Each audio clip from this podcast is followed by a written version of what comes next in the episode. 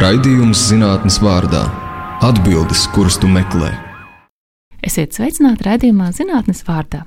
Ar jums kopā ir Ieva Siliņa. Brīžiem šķiet, ka zinātnē tīrākajā veidā iznīcina maģiju. Zinātnē izskaidro mums apkārt notiekošos procesus, un mums, saprotot pasauli, arvien mazāk paliek um, ticības mītiem, maģiskiem stāstiem. Un šī veselīgā procesa ietvaros vērts parunāt arī par tehnoloģijām. Saprast, kas ir lācītam vēdā un kā tas strādā. Šodien runāsim par kaut ko, kas tev visticamāk ir tepat pie rokas, vai pat tiek izmantots, lai klausītos um, šodien zinātnes vārdā vienšipa sistēmām. Tas izklausās sarežģīti, bet vienšipas sistēmas ir mums visapkārt - vietāluņos, planšetdatoros, vietpulksteņos un daudzās citās iekārtās. Čipu pasaulē mums palīdz, palīdzēs ieskatīties šodienas viesis Elektronikas un datorzinātņu institūta vadošais pētnieks Rihards Novīckis. Rihards uzsver, ka darbs zinātnē ir privilēģija, bet elektronika viena no svarīgākajām tautsājniecības nozarēm pasaulē. Rihards Novicka pētniecības grupas galvenais uzdevums ir radīt jaunas pieejas aprēķinu veikšanai, tādējādi nodrošinot mūsu sabiedrības ilgspējīgu attīstību. Tātad raidījums zinātnes vārdā viesis šodien ir inženierzinātņu doktors un vadošais pētnieks Rihards Novickis. Sveiks! Sveika! Uh, Rihard, kā tu nonāci zinātnē? Jāatzīst, ka tas ir tāds, manuprāt, interesants stāsts. Uh, pēc vidusskolas domāju, ko vispār darīt ar savu dzīvi. Un, uh, ja godīgi, es kādu laiku vispār gribēju kļūt par mūziķu. Bet uh, bija savu. Cik līdzīgi elektronika? Īsumā ļoti daudz elektronika ir mūzika. Pārsvarā visi spēlē elektriskās gitāras un uh, taisa savus pedāļus gitārām. Bet uh, bija tā, ka varbūt man tur nesanāca, kādā konkursā varbūt zaudēju. Uh, es spēlēju saksofonu toreiz. Un uh, man pilnīgi nebija nejausmas, ko darīt dzīvē. Tad uh, tajā laikā es arī pārdevu pienu laukos, es no lauku puses. Un uh, es biju saticis cilvēks, kas man teica, vienkārši aizēju uz RTU fakultāti, tur ir viena tantiņa, ar ko parunāsi, un ar viņu sarunāsi, izdomāsi, ko darīt.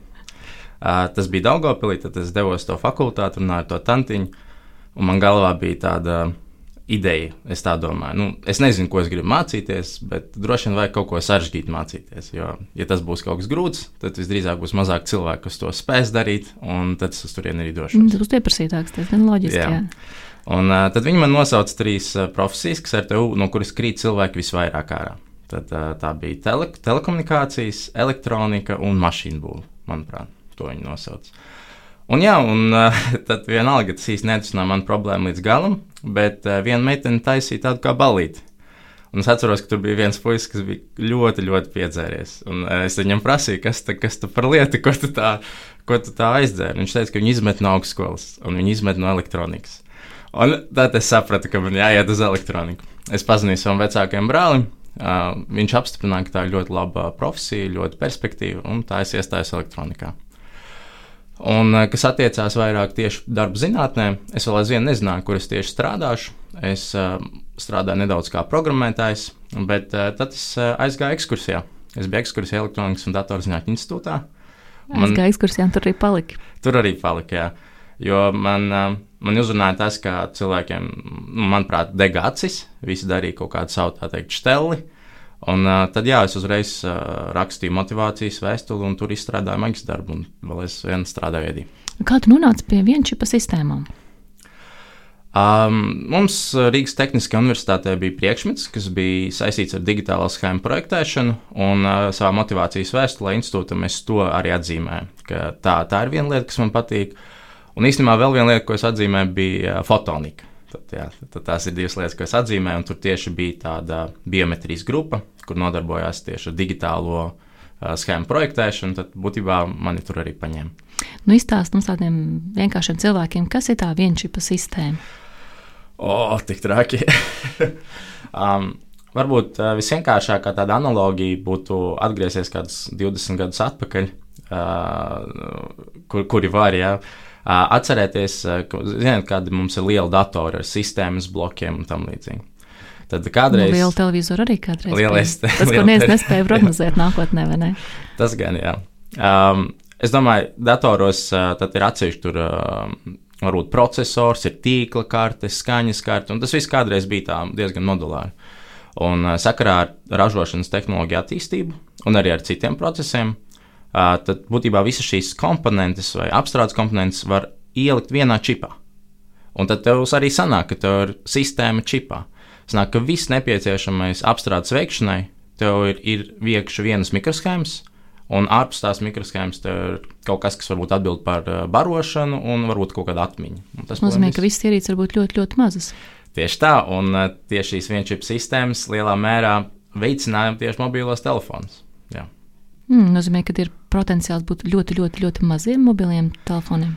Um, mazākiem tas, tas droši vien vairāk ir um, runa par to, cik mazs un cik veiktspējīgs. Ja, ja mēs gribam, lai mūsu nākošais telefons ir spēcīgāks, protams, tad droši vien uh, viņi mazāk jau nepaliks. Jā.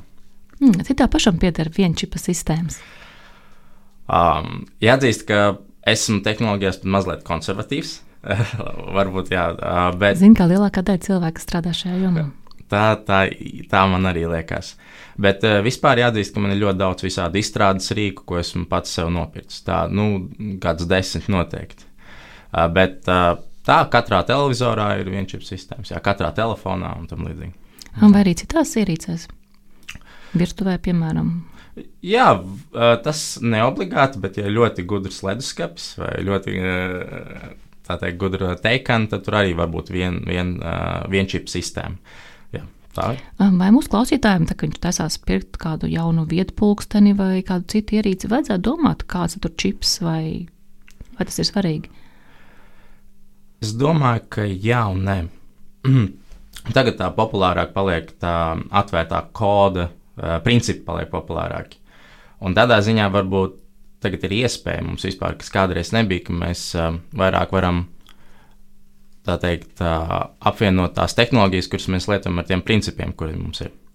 Un uh, tagad aizvien uh, ir vairāk iespēju reāli nopirkt varbūt telefonu vai pat uh, vai vietu pulksteni, kas ir pilnīgi atvērts, kur nav nekā kas tāda, kas uh, tā teikt, varētu zakt mūsu datus un sūtīt, pieņemsim, uz Ķīnu vai kaut ko tamlīdzīgu. Nu, pilnīgi atvērts nozīmē, ka, ja es māku lasīt kodu, tad es varu apskatīties, kas tajā kodā ir. Bet, ja es nemāku, ko man tas palīdz?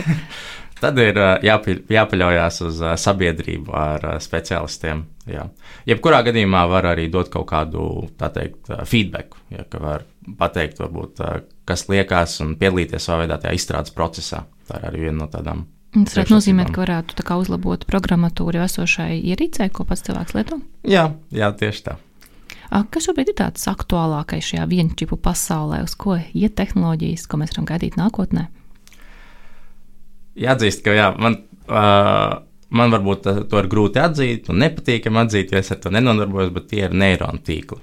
Jā, tas ir mākslīgais intelekts un būtībā uh, liela daļa pasaules uh, teikt, prātu un, un resursu tiek veltīti tam, lai radītu efektīvus skaitļošanas nu, iespējas vai aparatūru, ar ko rēķināt teikt, mākslīgā intelekta vai mašīnu mācīšanās uzdevumus.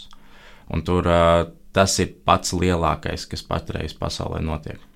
Bet nevienīgais, jā, cita lieta, kas čipa pasaulē arī ienāk, ir šī at, šie atvērtības principi. Tad um, es teikšu, varbūt es pat tā vēsturiski pateikšu. Kādreiz čips projektēja tikai tie cilvēki, kas viņus arī ražoja. Ja, un, tā, no tādas vēstures vēl Intels varētu teikt, ka ir tāda kompānija, kas tā vēl aizvien dara. Um, un tad ir notikušas vairākas tādas kā revolūcijas. Tad, uh, pirmā revolūcija bija vienkārši māksla, mācību grāmata, ja, kas nozīmē, ka pēkšņi ir pilns ar studentiem, kas arī var projektēt tos čipus un ir uh, lielāka tā produktivitāte. Nākošā revolūcija, es teiktu, ka bija um, Taivānas pusvadītāja kompānija, tagad Taiwan Semiconductor Manufacturing Company, TSMC, kur patreiz ir pasaulē vislabākā čipu ražošanas tehnoloģija Un, uh, viņu revolūcija nāca ar biznesa modeli. Viņi izdomāja, ka mēs paši neprojektēsim čipus vispār, mēs tikai ražosim priekš citiem. Un neviens īsti neticēja. Uh, visi smējās par viņiem. Uh, jāatzīst, ka arī naudu viņiem tik viegli nebija dabūt. Tas bija 90. gada sākumā. Viņiem vajadzēja kaut kādus 200 miljonus dolāru, kas toreiz bija liela nauda. Un, uh, es atceros, ka bija stāsts, ka Viņi pusi finansējumu dabūja no valsts, un otru pusi gribēja no vietējās industrijas dabūt. Un viens negribēja dot. Neticēja čipiem. jā, un uh, tad uh, ministri zvanīja uh, uzņēmumiem un teica, ka mēs pievērām acis, ka jūs nodokļus šur tur nemaksājāt un ir laiks atmaksāt. Un tā viņi savāca to otru daļu. Un jāatzīst, ka tagad uh, tā ir labākā pasaulē, uh, viņiem labākā čipa ražošanas tehnoloģija, un tas ir arī iemesls, kāpēc varbūt mūsdienās AMD procesori tā teikt, paliek spēcīgāk par Intel procesoriem. Jo Intels vēl aizvien ražo pie sevis, bet AMD ražo Taivānā. Un nākošā tāda revolūcija ir um, ARM kompānija. Sanāk, mūsu visos telefonos īstenībā ir ARM processori. Sanāk, mums ir viena čip sistēmas, kur ir ARM processori. Gan iPhone, gan, gan Samsung, ar Android. Uh, gandrīz visi. Uh, an, uh, Apple gadījumā, man liekas, arī uh, ir kaut kādi, varbūt tādi dīvaini vai tādi ļoti nišu telefoni, kur tā nav. Uh, bet jā, un uh, viņu revolūcijas, pateikt, bija tāda, ka viņi um, standartizēja to protokolu, kā digitālās sistēmas komunicē savā starpā. Tas nozīmē, ka uh, ARM sākotnēji bija no, nu, no Anglijas. Tad uh, viņi var izstrādāt savu procesoru, un, teiksim, kāds Indijā var izstrādāt kādu citu komponenti, un uz čipa viņus uzreiz var komunicēt savā starpā, jo tas ir standartizēts. Un tā, tā bija liela lieta, jo tas uh, iespējoja tādu kā produktivitāti. Tas nozīmē, ka tu vari atkal un atkal izmantot. Ja tu vienreiz esi uztaisījis USB 3 kaut kādu kontrolieru, tu viņu vari lietot atkal un atkal un atkal. Jā. Um, un uh, tagad es teiktu, ka tādas uh, lielā, lielākās lietas patiešām ir tad, um, tie neironu tīkli. Tagad cilvēki domā, kā šīs sistēmas uztaisīt. Kā, uh, varbūt iespaidīgāks, uh, vairākas funkcionalitātes iedot cilvēkam. Bet vēl tāda interesanta lieta ir jauns processors, ko sauc par RISK 5. Par uh, šī procesora teikt, uh, dibinātājiem ir iedot arī, viņi ir saņēmuši Turinga apbalvojumu, kas ir uh, lielākais apbalvojums datorzinātnēs. Un uh, riska 5 ir pilnībā atvērts.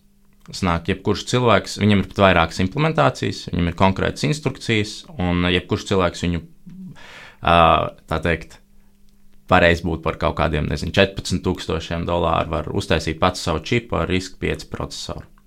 Jā. Un vai vispār ir kādas alternatīvas vienčipu sistēmām? Vai tā ir hmm. mūsu nākotne, mēs paliksim ar čipiem? vienkārši tādiem vai savādākiem, pēc vienas vai citas revolūcijas? O, labs jautājums. Um, es nezinu, es neteiktu, ka ir tādas alternatīvas, jo es teiktu, ka tas ir tāds process, kas loģiski attīstās uz vienčipu sistēmām. Jo kādreiz jau tas viss bija, Vienkārši vai tās bija atsevišķas kartes, vai tie bija atsevišķi čipi uz kaut kādas tās pašas iespiedu plates, bet tad, tagad tas viss integrējas vienā čipā, un līdz ar to var būt augstākas tās frekvences, kurās strādā tehnoloģija, un uh, lielāka veiktspēja, lielāka tā datu pārēde un tam līdzīgi. Nozīmīgi, faktiski atpakaļ uz atsevišķiem moduļiem mēs diez vai pārēsim. Var būt, tikai konkrētos gadījumos, kur to pamato kaut kāds bizness. Nu, kur vajag nomainīt moduli, piemēram, jo viens no mīnusiem varētu būt tas, ka, ja tev tā teikt, veids strādāt viena daļa, tad. Tieši tā. Atvadies no čipa. T tieši tā. Uh, varbūt tas, tas gadījums, ja tev ir vieglāk viņu saslēgt kopā vairākus, jā, un kādu samainīt tieši tā.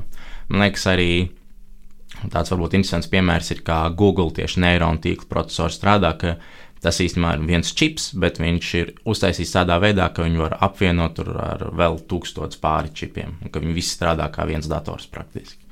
Bet, jā, tā. ar kādiem projektiem šobrīd strādā tava vienu čipu sistēmu grupa? Uh, um, Gatavo revolūciju tepat mājās? Mums ir uh, vairāk projekti, kas tagad arī noslēdzās. Um, es teiktu, ka mans mīļākais projekts ir uh, projekts ar nosaukumu Aplauss. Tas ir uh, liels startautisks um, teikt, konsorcijs, tas ir uh, vairāk desmit miljonu projekts.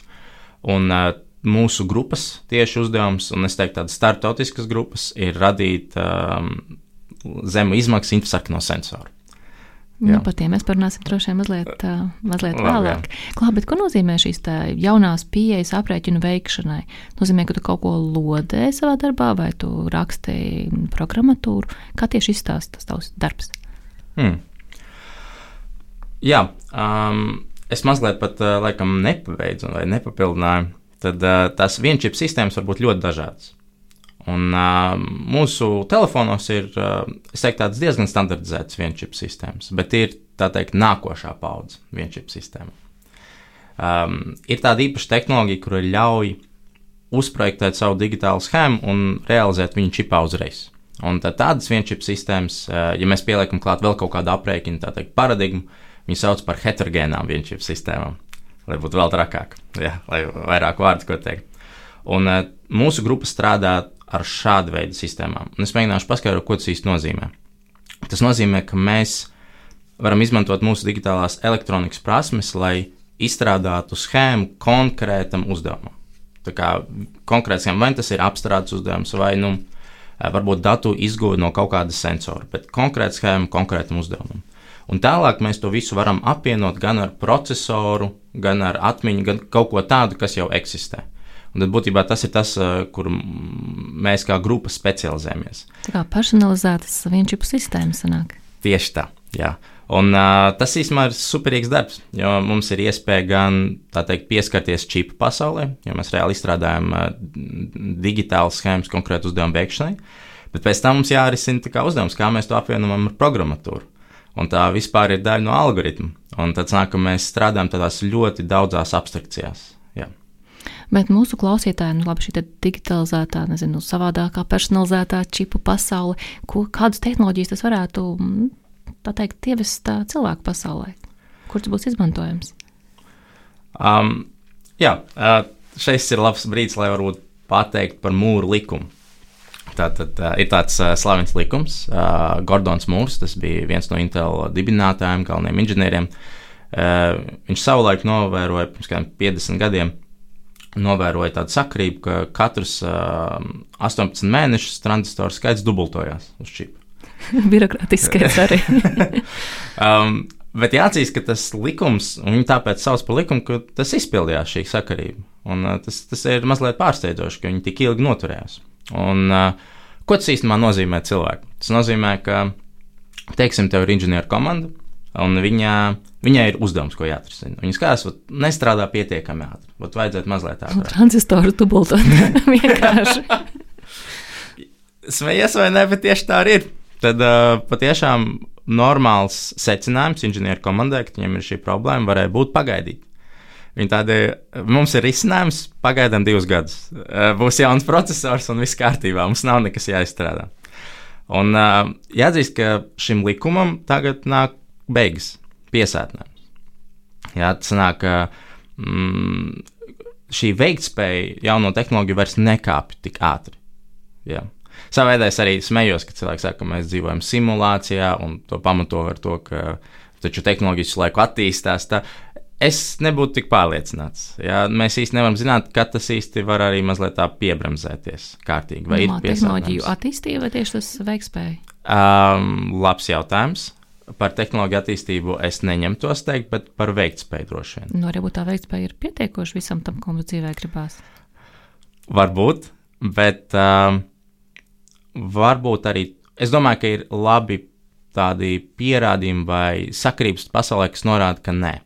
Ja mēs skatāmies tiem pašiem neironu tīkliem, tad uh, tās topoloģijas vai to aprēķinu praktiski apjoms, kas mums jāveic, viņš auga eksponenciāli. Bet uh, mūsu apatūra vairs nespēja, tā kā katra nākošā gada jaunais čips vairs nespēja tik ātri veikt tos aprēķinus. Nozīmē, ka būs jauna veida čips faktiski, kas neironu tīkliem manam. Tieši tas arī notiek pasaulē. Alibaba cīnās ar to, Google cīnās ar to, Nvidia lielā mērā cīnās ar to tieši tā arī. Um, bet tas, ko es gribēju pateikt, ir tas, ka sakrā šī mūra likuma piebremzēšanos, tad tagad ir tāds labs laiks, kad reāli atkal domāt par šo problēmu kā, vai par izaicinājumu. Kā tad mēs varam veikt tos uh, aprēķinus? Varbūt ir kaut kāds cits veids, cita paradigma, kas mums ļautu kā, atkal izšaut uz priekšu. Un, uh, tas ir tas, ko mēs arī darām. Un, uh, viens no mūsu uzdevumiem būtībā izstrādāt pātrinātājs, jeb akcelerators. Tas ir tādas specifiskas schēmas, specifisku algoritmu veikšanai.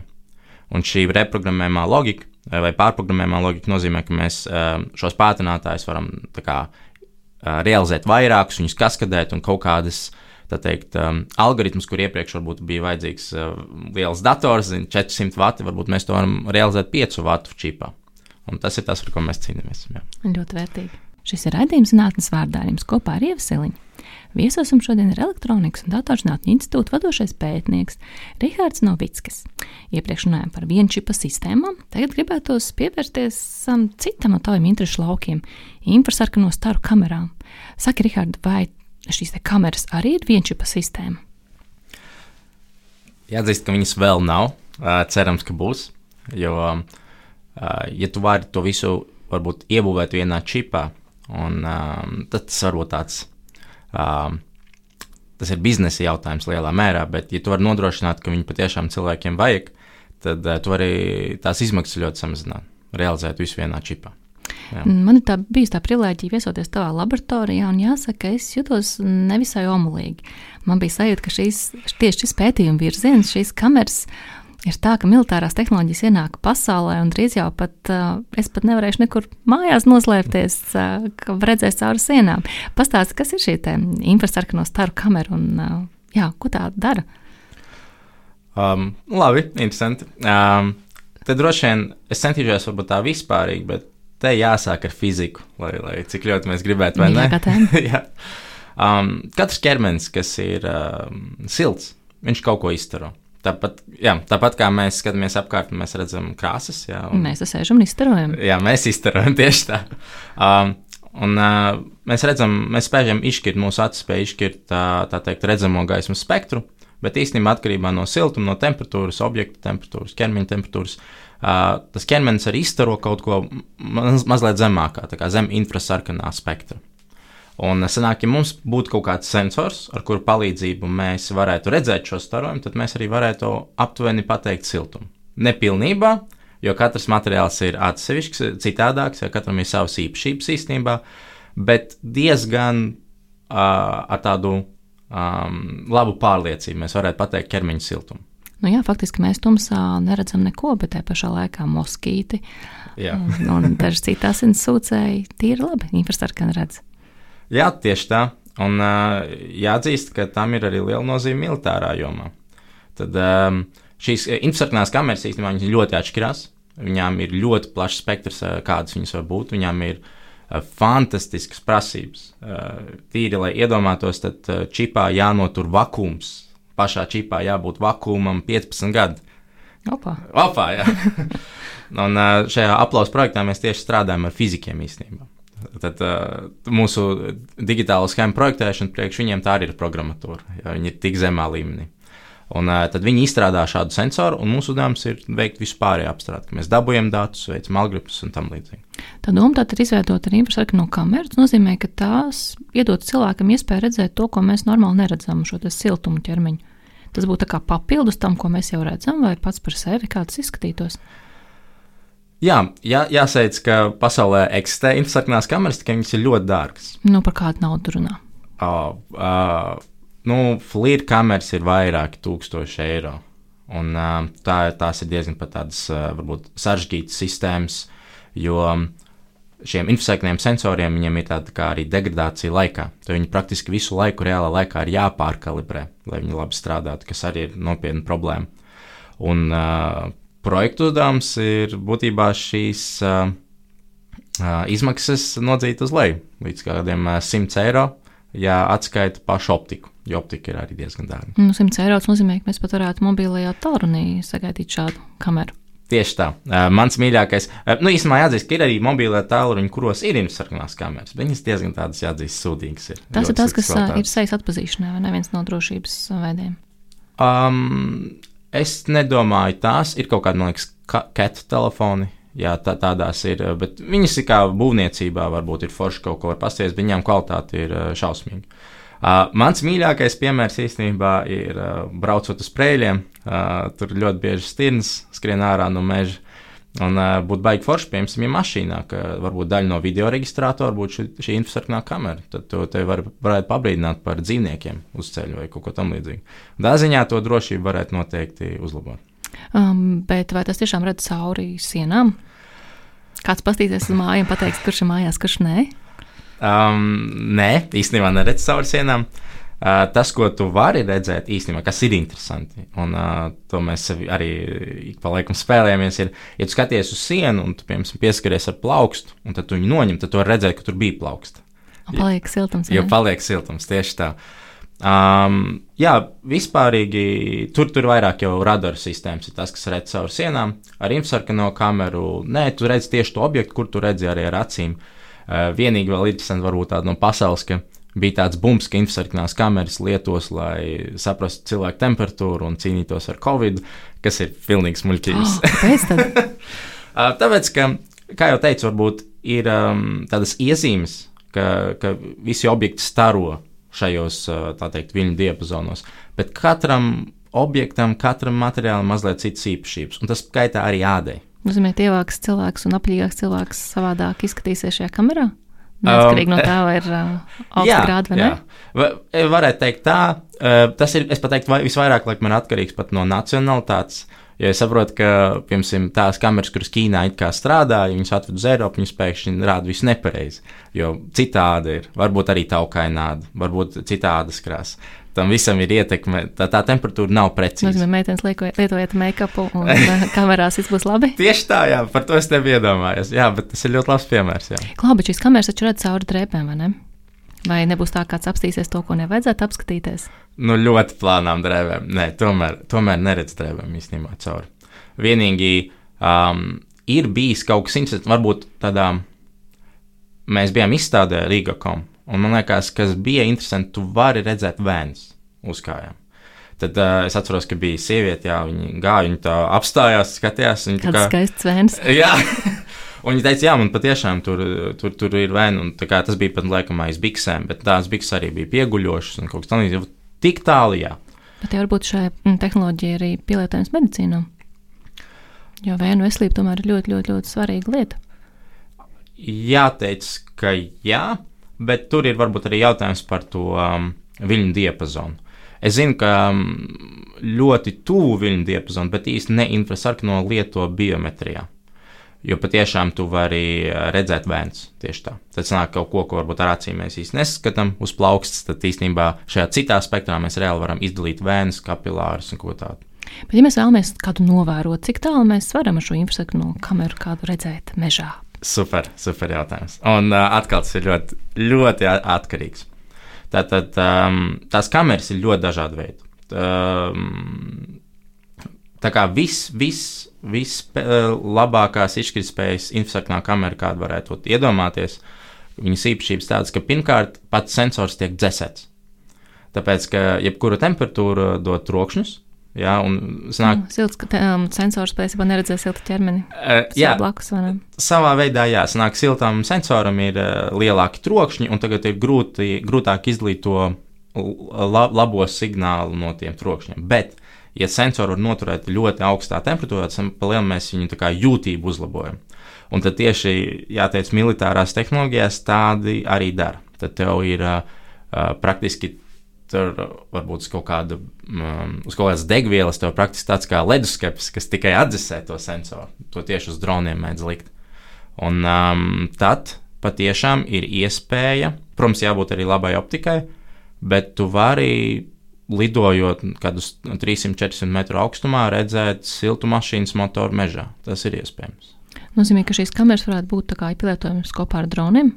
Jā, uh, tieši tā. Uh, militāri viņas noteikti lieto, protams, tās jau ir ļoti, ļoti dārgas kameras, jo viņas, kā teikt, tur, tur ir daudz tādu uzdevumu, kas jārisina. Arī optika pats par sevi ir ļoti sarežģīts uzdevums. Nu, tas jau pagaidām, Rihards, jau strādā Jā, jā. pie 100 eiro Jā. varēsim. Un, uh, jā, mūsu kamera, uh, tas, kas otrs spektrs un kas ir visgrūtākais, ko izstrādāt instagrāmās kamerās, ir uh, kamera, kur uh, netiek dzēsēta, kur ir vienkārši istabas temperatūrā, bet kas vēl svarīgāks, viņai nav aizvara. Tā kā angliski saka, shutter. Sanāk, praktiski visām infrastruktūrām kamerām, ja jūs ar viņām filmējat, jūs redzēsiet, ka ik pa kadram kādam viņa apstājās. Un kas īstenībā notiek tajā brīdī, tā kamera sevi pārkalibrē. Viņai uh, ir tāds kā aizvars, viņu, viņu aiztais ciet, nokalibrējas un tad atkal turpina filmēt. Kāpēc? Um, tāpēc, ka tā, to, ko tu redzi, to ietekmē gan vidas temperatūra, gan arī paša sensora temperatūra. Un uh, tad to visu ņemt, un paša sensora degradācija. Un to visu ņemt vērā ir uh, praktiski neiespējami. Ja varbūt vidas un sensora temperatūru tu vēl vari ņemt vērā, degradāciju ļoti grūti paredzēt. Un, ja tu gribi, lai viņi strādā tev 2, 4, 5 gadus, un 15 gadus, tad tev vajag kaut kādu mehānismu, kas tomēr reālā laikā viņu pār, pārkonfigurē, nu, pārkalibrē. Nu, pieņemsim, ka šeit ir droni ar uh, kamerām, brauks pāri mežiem, visu redzēs. Bet, ja nu es vēlos paslēpties, uh, kas man ir jādara? Lai redz tikai stirniņas un neredz mani mežā? Uh, ļoti labi. Um, jāteic, ka tā kā es tā centos ļoti uzmanīgi pateikt, ka visi ķermeņa starokas ir silti. Katram ķermenim ir mazliet citas tādas īpašības. Un, um, ir... Kaķīts ir karstāks. Es teiktu, ka ir kaut, um, kaut kāda varbūt kompozīta materiāla, ko var izdomāt, kādu segu vai kaut ko, kas um, šajā spektrā vienkārši izpaužās citādāk. Piemēram, ja mēs ar infrasarkano kameru skatāmies to pašu stiklu, stikls var atstarot praktiski to. to. Nozīmē, stikla neredzēt siltu ķermeni kamēr neesmu rokām piespiedusies klāt. Jā, kaut netranslēts. Aptuveni tā, jā, tāds stiklots virsmas var atstarot un tam līdzīgi. Tieši tā. Tā kā uh, ir kaut kāda izēja, bet es nezinu, vai tu gribētu pa mežu staigāt uh, ar segu visu laiku pāris. Vai ar stikla kastīti. jā, jā. Bet tas no jebkurā gadījumā nozīmē, ka no vienas puses attīstās šī tehnoloģija, un no otras puses arī, nu, kā, ne, kā militārajās vidēs, tā kā netikt redzētam no šīs tehnoloģijas, vai ne? Um, Es īstenībā nezinu. Jāteic, ka tagad jā, mums ir ļoti aktuāls tas nu, vispār karš Ukrainā, bet es īstenībā neesmu redzējis šādas um, darbības, kas būtu pret, vērstas pret šīm infrasarkanajām kamerām. Bet, jā, varbūt viņām, es domāju, ka viņiem būtu jābūt noteikti. Jā. Kā infrasarkano kameru var atšķirt no citām kamerām, piemēram, naktsredzamības brillēm, citām tehnoloģijām līdzīgām? Jā, jāatzīst, ka mm, ar tādām naktas redzamības brillēm es īstenībā neesmu baigi sastapies. Es pieņemu, ka viņi strādā kaut cik līdzīgi. Uh, bet uh, galvenais jautājums ir tieši par spektru, kuru mēs redzam. Tad, uh, jā, atkal fizika, bet uh, jā, galvenais ir spektrs, un mēs praktiski ar infrasignālu kamerām redzam jā, zem sarkanās krāsas. Jā, kā ja mēs iedomājamies kaut ko sarkanu, vai dažreiz var redzēt kaut kādu uh, um, kameru, ziniet, ka tur tās diodas naktī spīd mazliet. Tad to jau mēs knapi redzam. Tad mēs runājam par spektru, kuru mēs vispār kā cilvēki nespējam uztvert. Jā. Un kā tas izskatīsies uh, vizuāli? Vizuāli, kā mēs gribam. Uh, no sensora reāli mums nāk dati, kurus uh, pat nav iespējams izšķirt. Viņus ir jāapstrādā. Un tad viss šī vizualizācija, saprāšana, kas tur ir, labošana, tur defektīva pikseli labošana. Katram pikselim, uh, vai kā infrasaknā kamerās to sauc par balometru, ir sava jūtība, to visu ir jālabo. Bet uh, tas iztīsies tā, kā mēs to gribam. Kādas krāsas mēs gribam, tādas mēs varam arī pielikt. Ļoti interesanti. Klau, vai šī tēma ir kopā ar tavu disertācijas tēmu? Tā disertācija bija par stereo redzi, stereo redzes algoritmiem, vai tas kaut kas līdzīgs vai tomēr savādāks? Um, daudz jautājumu. Um, jāatzīst, ka tas ir diezgan kaut kas cits. Tur uh, ir savas uh, sakrības. Man ir ļoti paveicies un nepaveicies ar savu disertācijas tēmu vienlaicīgi. Un uh, es varbūt arī paskaidrošu. Tad uh, Uh, manas disertācijas tēma būtībā, vai būtība bija izstrādāt arī tādu risinājumu, ar kuru palīdzību mēs varētu redzēt dziļumu.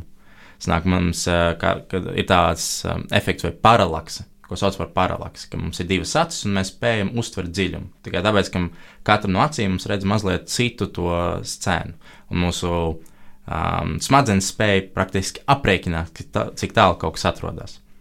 Un uh, mans mērķis, disertācijas mērķis bija to izdarīt ar kamerām. Tas jau ir tas pats, ja tev ir divas acis, un tagad tev ir jārēķina varbūt pikseļos.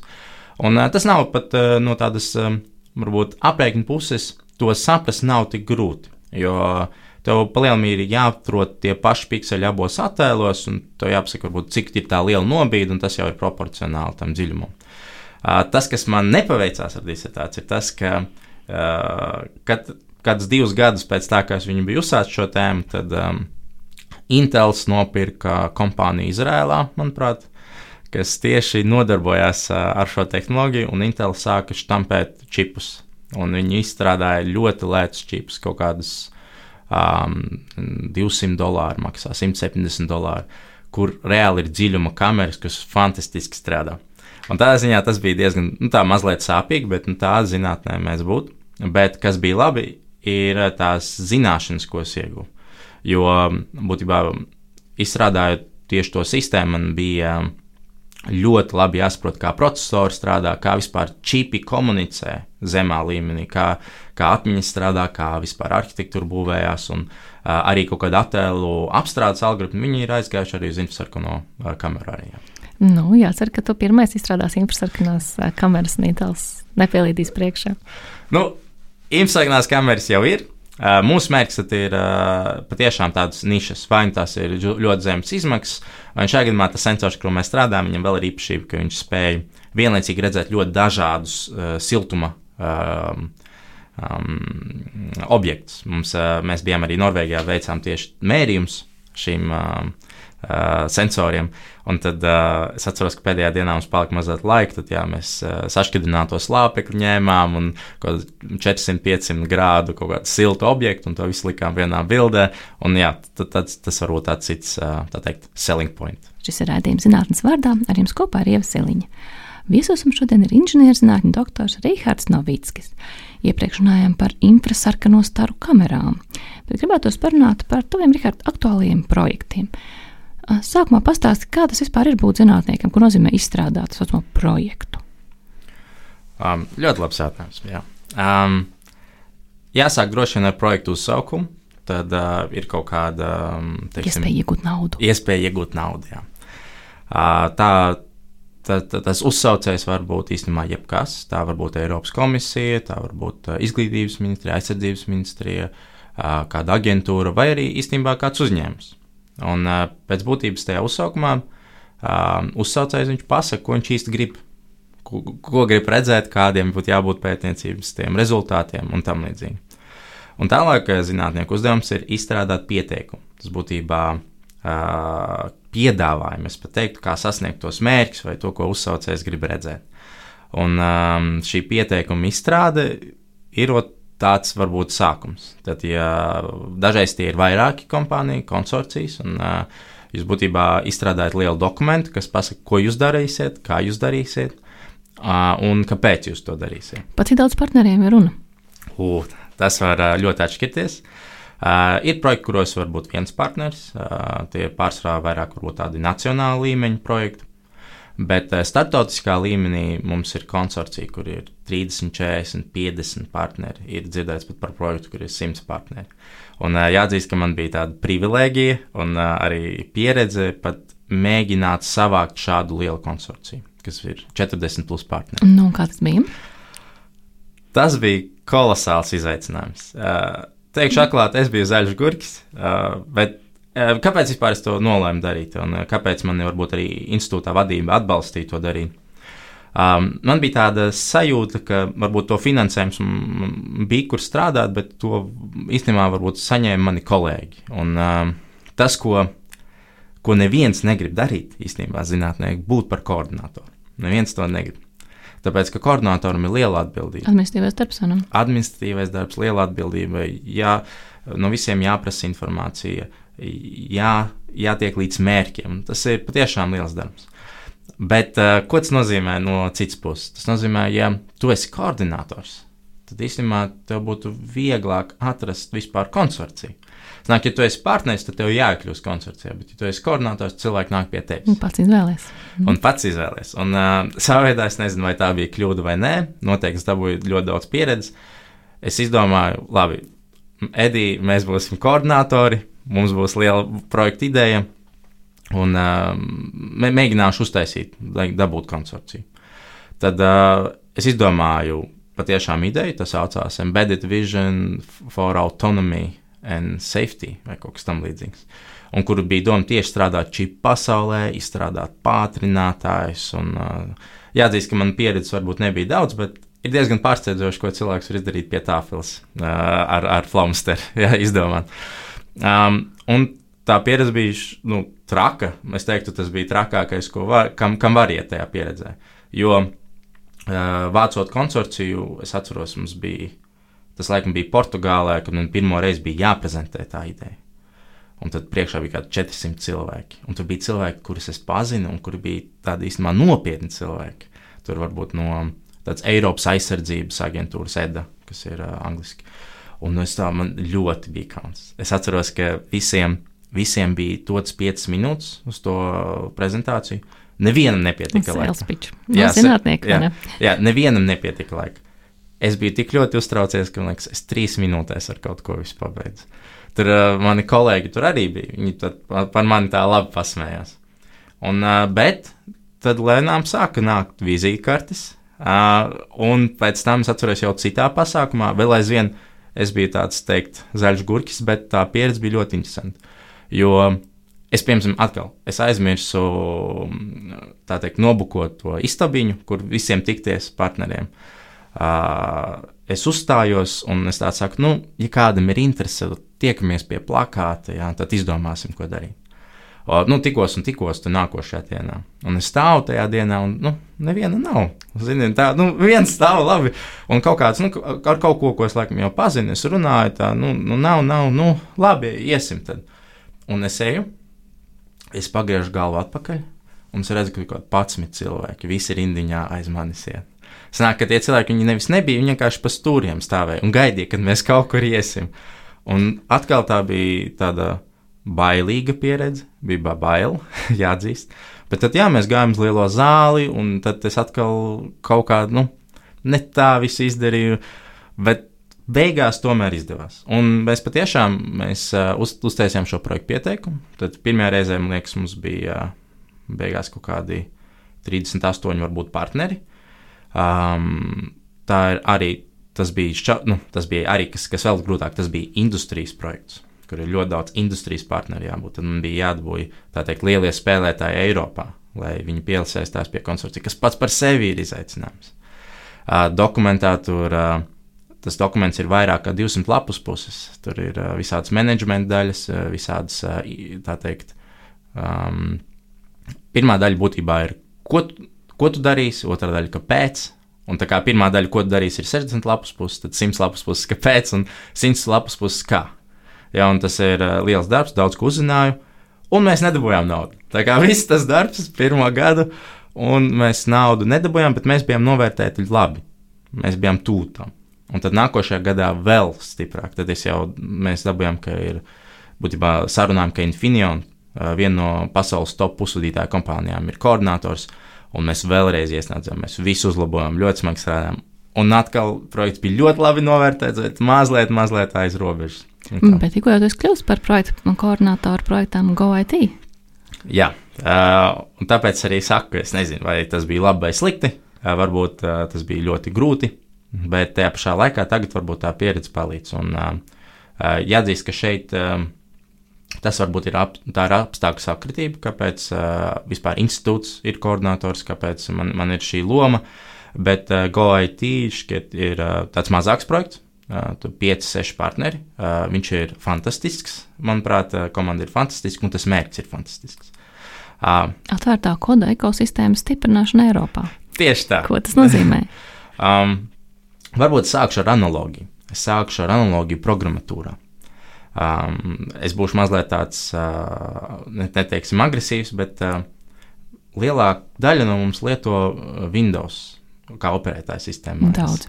Ļoti daudz. Bet uh, īstenībā tas iemesls tam ir, uh, nu kā, tas bija skolās pieejams. vai ne? Tad mēs neko citu jau īsti nezinām. Tas jau no bērnu dienām mums bija Windows. Un uh, izrādās, ka programmatūras pasaulē ir fantastiska alternatīva, kas, uh, es pat teiktu, ir daudz labāka. Uh, varbūt jāatskaita varbūt tur spēļu spēlēšanas, bet visos citos aspektos uh, ir labāka operētāja sistēma, kas ir Linux, kas ir pilnīgi atvērta. Um, mūsu visos telefonos ir Linux operētāja sistēma. Vienkārši mēs par to nezinām. 90-95% interneta strādā uz Linux. Uh, pat, pat mašīnās ir Linux. Uh, visos uh, gudrijos televizoros ir Linux. Jā. Tā ir, un man uz datora arī ir Linux. Uh, vienkārši tas ir fantastisks spēks, un tas ir par velti. Uh, cil, uh, ir cilvēks no Somijas, Linus Torvalds, kas uh, īstenībā ir tāds slavens, tā teikt, viņa raksts vienā čatā, kur uh, viņš pirmo reizi šo savu operētāju sistēmu dod pasaulē. Un viņš saka, tā kā, hei, es uzrakstīju šo operētāju sistēmu, es nezinu, vai viņa kaut kam būs jebkad noderīga. Es viņu vispār uzrakstīju pat ne īstiem procesoram, bet ķīniešu klonam, jā, bet nu varbūt kāds uzmetiet tāds. Un tagad tas ir visur. Un, um, šis, šis koncepts, ka visi strādā pie kaut kā viena, un no tā visi arī gūst. Ja, jo tas, tas arī ir šī varbūt atvērtā koda, viena no, no principiem, viens no principiem. Ir cerība, ka kaut kas tāds varētu strādāt arī čipu pasaulē. Ja. Ļoti mūsdienīgs priekšstats, um, pieeja pasaulē, man liekas, tas, kas tieši šobrīd ir aktuāli? Tieši tā. Uh, čipu pasaulē tur ir arī savi aspekti, tas ir mazliet citādāk. Um, jāatzīst, ka absolūti līderi čipu pasaulē ir amerikāņi. Tieši čipu dizainā tas uh, vēsturiski viņi bija pirmie, kas vispār tajā investējās un izrādās, ka nes tādu lielu produktivitātes iegūmu visai sabiedrībai. Jā. Un, uh, tāpēc mēs arī, varbūt kāds ir sekojis līdz ziņām un ir dzirdējis par to Eiropas čipu aktu. Tad praktiski šis projekts arī ir daļa no tā Eiropas čipu akta. Un uh, viens veids, varbūt, kā Eiropa varētu kaut kā tā teikt, stiprināt savu čipu industriju, ir pat izmantojot šo atvērto kodu principu. Bet tur tie izaicinājumi ir uh, tā, tādi, tā teiksim, citādāki arī. Jo programmatūru mēs jebkurš varam, uh, ja viņi ir atvērti, mēs jebkurš varam uzlikt savu datoru, nokompilēt un pārbaudīt. Ar čipiem tā nav. Viņu kādam ir jāuzražo, un tā ražošana ir diezgan specifiska. Praktiski var iedomāties, ka katra ražotne, kas ražo čipus, viņai ir tāda kā sava biblioteka. Un viņa neviena nedod to biblioteku. Tev reāli jāparaksta līgums tikai, lai viņai būtu piekļuve. Un uh, tad tu vari vispār taisīt tajā tehnoloģijā savu risinājumu. Tas jau ir pirmais, tā teikt, uh, lielais šķērslis vispār kaut kam atvērtam. Tas nozīmē, ka vajag būt tādai bibliotekai, kas ir atvērta. Ir, tas ir viens no uzdevumiem, par ko mēs cīnāmies mūsu uh, projektā. Uh, tāpat arī vajadzīga licence. Jā, viena no Linux teikt, operētāja sistēmas um, lielākajām priekšrocībām vai teikt, garantiem, veiksmes garantiem bija tas, ka licence paredzēja, ja tu veic kaut kādas izmaiņas kodā, tev viņas ir jāatsūta atpakaļ.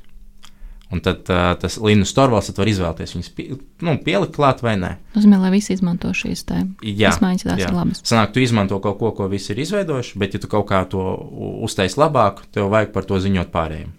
Jā. Izklausās, ka tu esi tiešām atvērtā koda entuziasts. Jāatzīst, ka ne līdz galam.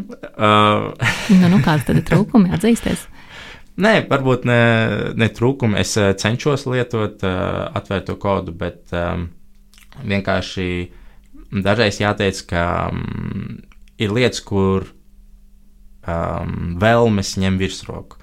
Un uh, konkrēts piemērs man tieši tagad uz datora, man diemžēl um, ir, ir tā teikt, um, neatvērtā koda uh, kodeki vai um, kodētāji. Tas ir saistīts ar uh, video straumēšanu. Snāk, piemēram, uh, YouTube, uh, visa video straumēšana uh, notiek izmantojot ne par velti taisīto šīs, šos kodeksus. Līdz ar to grib, negrib tas piespiež izmantot šo teikt, nebrīvo kodu. Jā. Kāda liekas, um, var būt, ka vajadzētu arī skolās mācīt vairāk atvērtās um, kodu? Jā, uh, tūlīt uh, daudz cilvēku uh, nospļausies, bet uh, komandarindu jāmācās skolās, jā, uh, termināli izstrādāt ar klaviatūru. Nu, es mazliet jokoju. Um, bet vairāk tā doma ir tāda, ka varbūt mazliet atvērt to prātu tajā ziņā, ka lielā mērā mēs daudzas lietas nemākam tikai tāpēc, ka viņas uh, mums tika uzspiestas skolā. Un es tieši domāju ar šo. Nu, viens veids tika parādīts, un pie tā cilvēks tieši tā. Tāpēc uh, Microsoft Office visi to māk, jo to mācīja skolā, bet tas neobligāti ir labākais veids, kā vispār izstrādāt dokumentus, kā, kā tos veidot. Tas pats ir uh, kaut kāda darbs ar pelīti. Teiksim. Un kā, sākumā tas ir vieglāk, jā, bet uh, varbūt ilgtermiņā izrādās, ka ir daudz lietas, kur vispār tie vizuālie interfeisi īstenībā ļoti neefektīvi. Un tādā ziņā tas ir vairāk tāds, es teiktu, doma eksperiments, ka varētu padomāt, ka es nezinu, kā vajadzētu, bet uh, ir lielā mērā tas, kā mums mācīja, vai tas īstenībā ir tāds, um, es teiktu, pat biznesa um, solis, ko Microsoft savulaik izdarīja, ka tas ļoti stipri ietekmē to, kā mēs tagad dzīvojam savas dzīves. Lielās korporācijas, vai ne? Tieši tā, jau. Klā, bet, kas būtu tās digitālās prasmes, kas tev liktos, kas ir tāds izdzīvošanas komplekts modernam cilvēkam? Ļoti um, interesanti. Man, um, man šķiet, ka galvenais laikam ir atvērtība. Jā, vēl pirms digitālajām prasmēm. Noteikti nevajag teikt, ka esmu vecs vai es tur nevaru iemācīties. Noteikti visu var iemācīties. Man, ko tad vajag iemācīties? Ko tad vajag? Manuprāt, visbiežāk cilvēkiem būs tomēr jāiemācās kaut kāda veida programmēšana. Patreiz izskatās, ka pasaulē tas ir, ir Python programmēšanas valoda. Un um, iemesls, kāpēc tā domāju, ir gan saistībā ar neironu tīkliem, bet arī tas īstenībā ļoti noderīgi. Teiksim, ka tu strādā ar finansēm vai tu strādā medicīnā. Noteikti jau tagad var izmantot Python valodu, lai strādātu ar datiem, kaut ko filtrētu, atrastu, meklētu sakarības un tam līdzīgi. Un tas, manuprāt, tas ir veids, kā tu nu, kļūsi labs speciālists savā jomā. Es arī zinu, piemēram, vienkārši jomām, kurām esmu saskāries, ir uh, teikt, digitālie mākslinieki, piemēram. Jā. Ir, ir cilvēki, kas tā, tā teikt, renderē bildes. Ko nozīmē renderēt? Oh, ļoti labi. Um, Bieži vien, piemēram, IKEA, ja es pareizi saprotu, jā, IKEA teiksim, katalogs, mēbeļu katalogs, neviena no tām bildēm nav īsta. Jā, viņas visas ir tā teikt, mākslīgi izveidotas. Bet cik skaistas? Bet skaistas, jā. Un lētākas nekā reāli viņas fotografēt. Sanāk, tev ir izdevīgāk nevis uh, ņemt darbā fotografu, kuram jāuzliek gaismas. Kuram jāuztaisa katrs interjers un jāskrien veikēm. Katrs, tieši tā, katrs interjers, katru mēbeli tur jānoliek apgaismojums, jādomā. Daudz lētāk ir um, maksāt cilvēkam pie datora, kas to visu izdara virtuāli. Un tā renderēšana ir īstenībā praktiski gaismas simulēšana. Tu simulē, kā gaismas stārī um, atstarojās, tu simulē visus materiālus, un tu dabūji ļoti realistisku bildi. Un uh, tajā jomā, kāpēc es saku par programmēšanu? Tāpēc, ka cilvēki, kas tur māca programmēt, viņi var arī fantastiskas lietas uh, darīt. Tu vari uztaisīt, ka tev automātiski ģenerēs kaut kādu pilsētu. Jā. Uh, īstenībā, jā, uh, es uzskatu, ka tieši tās programmēšanas prasības ir tik plaši noderīgas, ka pat grūti iedomāties visus pielietojumus. Nopēcot sarunu, kāda ir tava paša nākotnes plāni? Um, tādi zinātnes plāni, es teiktu, ka mums uh, janvārī sāksies ļoti interesants projekts. Um, viņš ir par kvantu uh, sensoriem. Jā. Uh, es ļoti, ļoti gaidu šo projektu. Tur mēs tieši strādāsim ar konkrētu fiziku grupu. Un, uh, tā vienkāršot sakot, uh, kā es to saprotu. Uh, ir dažādi veidi, kā var dabūt diamantus. Un tad uh, dažreiz uh, šos diamantus viņus var gan uh, paņemt kaut ko šķaidīt, un tad ņemt tos, to, kas ir palicis, jā, vai, vai viņus kaut kā mēģināt audzēt tam līdzīgi. Bet dažreiz šajos diamantos kāda oglekļa atoma vietā ir kāds cits atoms. Un tad fizika novēroja kaut kādas interesantas sakarības. Un uh, ir konkrēts gadījums, ka tev ir slāpekļa atoms. Uh, tad uh, fiziki tīri tā, tā teikt, starojot gaismu šo diamantu un skatoties, kas ir otrajā pusē, viņi novēroja, ka īstenībā tas ir fantastisks sensors. Sanāk, uh, dimanta sensori? Tieši tā, dimanta kvantu sensori. Un uh, zinot šo kvantu fiziku, es absolūti nezinu, ko mums, mums ir jāmācās, uh, tu vari nomērīt uh, magnētisko lauku, elektrisko lauku, tur uh, spiedienu, temperatūru. To visu var nomērīt uh, praktiski ar tādu vienu mērījumu sēriju. Un uh, tūkstotis vai desmit tūkstoši reižu precīzāk nekā jebkurš cits sensors, kurš tagad ir. Un mums būs projekts par to. Un tas ir fantastiski, un tā ir tā privilēģija. Izklausās tiešām kā zinātniskā fantastika. Jā, tieši tā. Paldies, Rihard, tiešām priecājos taviem atklājumiem, novēl panākums arī turpmāk. Atgādinu, ka raidījumā zinātnes vārdā bija elektronikas un datorzinātņu institūta vadošais pētnieks Rihards Novickis. Studijā bija Ieva Ziliņa. Lai sekot jauniem mūsu radio, atcerieties piesakot atrādio un ap kanāliem, sociālos tīklos, Facebook, Twitter un Instagram. Lai jums visiem tehnoloģiski attīstīts vakars! Atā! Čau! Raidījums zinātnes vārdā - atbildes, kuras tu meklē.